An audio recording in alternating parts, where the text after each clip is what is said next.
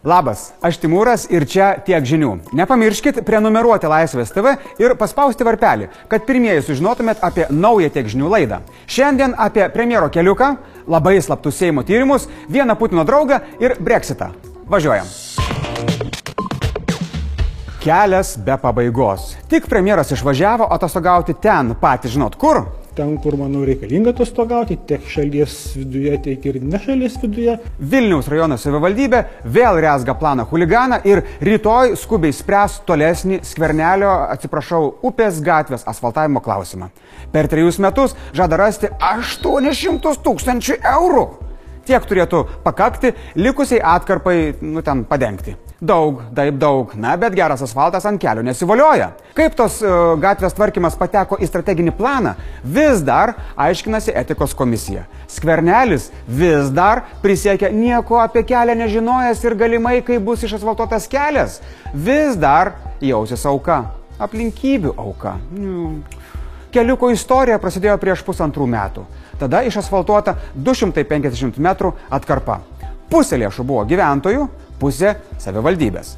Pernai darbus tęsė jau už skandalingus 300 tūkstančių valstybės eurų. Numinėtos atkarpos į abi pusės. 720 metrų į užlandžių kaimo pusę ir beveik kilometras į pasienių.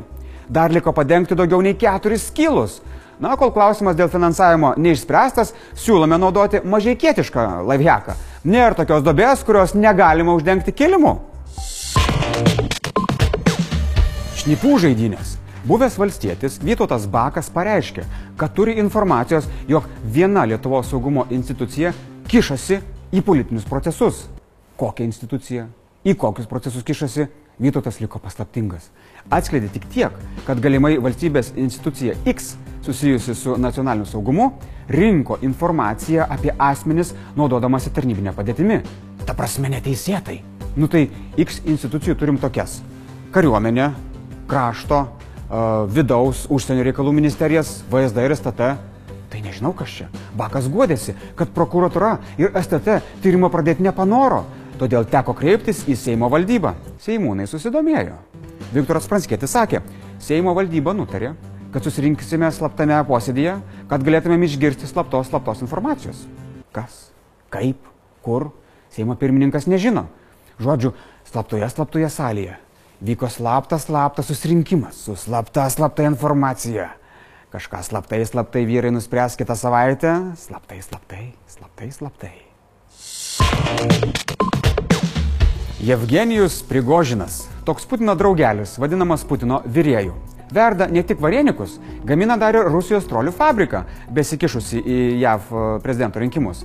Nagus prikišęs ir prie Rusijos samdinių grupuotės Wagner. O kodėl dėl jo suskaudo galvas Seimo nacionalinio saugumo ir gynybos komitetui? Nes manoma, kad pastarąsias dvi savaitės Prigožino privatus lėktuvas buvo remontuojamas Gediminui Žemeliui priklausančios bendrovės Avia Solutions Group angaruose. Štai jis, gražuolis, Vilniuje.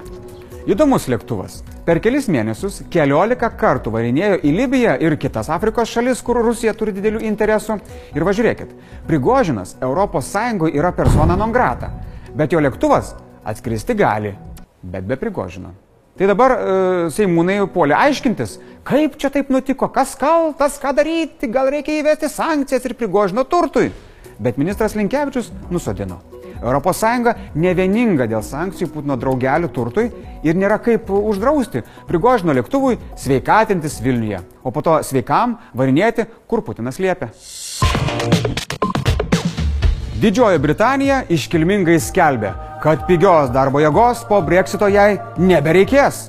Ir sugalvojo taškų sistemą, kaip atskirti, kurių darbuotojų norės, o kurių ne. Norint patekti į antrą levelį, reikia surinkti 70 taškų. Kaip? Na pavyzdžiui, turi darbo pasiūlymą ir gerai kalbi angliškai. Kačin 50 punktų. Reik dar 20. Gali prisekti kokį gerą univero diplomą, gali prašyti algos virš 25 tūkstančių svarų per metus, gal dar kokių papildomų skilsų turi, išmanai raketų mokslą gal, nu irgi pravers. Easy peasy, lemon squeezy. Bet čia kyla klausimas, tai kas tada Britanijoje kvalifikuotai bradžios pomėšlą ir tampys cementą ant nugaros? Britai? Ta prasme, patys Britai? Lovely.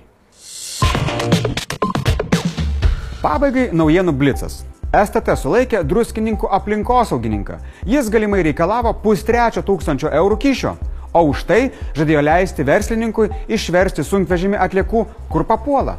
Susisiekimo ir kultūros ministrai nori papildomų viceministrų. Kitiems ministrams už pavydėjus sprendimas atidėtas. Artūrą Zuoką Agnė Zokienė apkaltino smurtu. Zuokas sako, gyvenime rankos nekėlęs prieš moterį. Policija aiškinasi įvykio aplinkybės. Popiežius Pranciškus Telšių vyskupą Kestutį Kievalą paskyrė Kauno arkivyskupu. Ankstesnis arkivyskupas Lionginas Virbalas iš pareigų pasitraukė pernai. Ramūnas Karbauskis turi sprendimą. Ekonomikos ir inovacijų ministro neieškos, o ministerija sujungs su energetikos ministerija, likus pusiai metų iki rinkimų. Sėkmės. Šiandien tiek žinių. Įdomu, ką veikia Silvija. Pasirodo, Silvija ruošiasi krabo vaidmeniui Kempiniuko plačiakelnio spektaklyje.